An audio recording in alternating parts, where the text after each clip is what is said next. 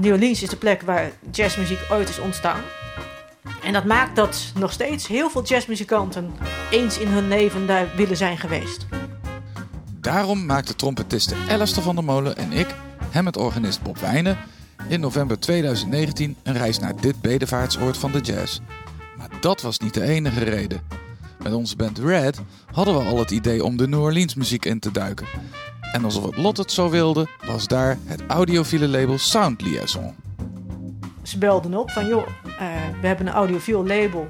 Wil jij ook bij ons opnemen? En dan heb je een band die er geschikt voor is. Ja, natuurlijk heb ik een band die er geschikt voor is.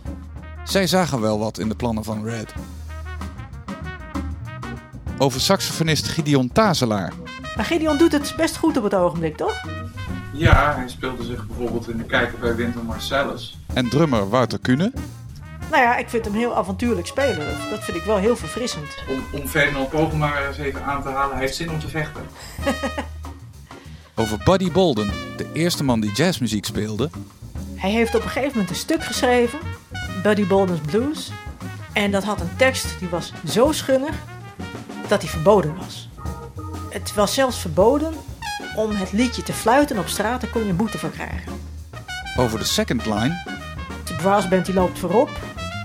En daarachteraan loopt iedereen die zich maar wil aansluiten bij dat gebeuren. En er is één regel, je loopt niet, je danst. Over absolute hoogtepunten van de reis. Wat vond ik het gaaf bijvoorbeeld inderdaad met Delphio Marsalis te spelen. Wauw, weet je wel. Dat vond ik echt super gaaf.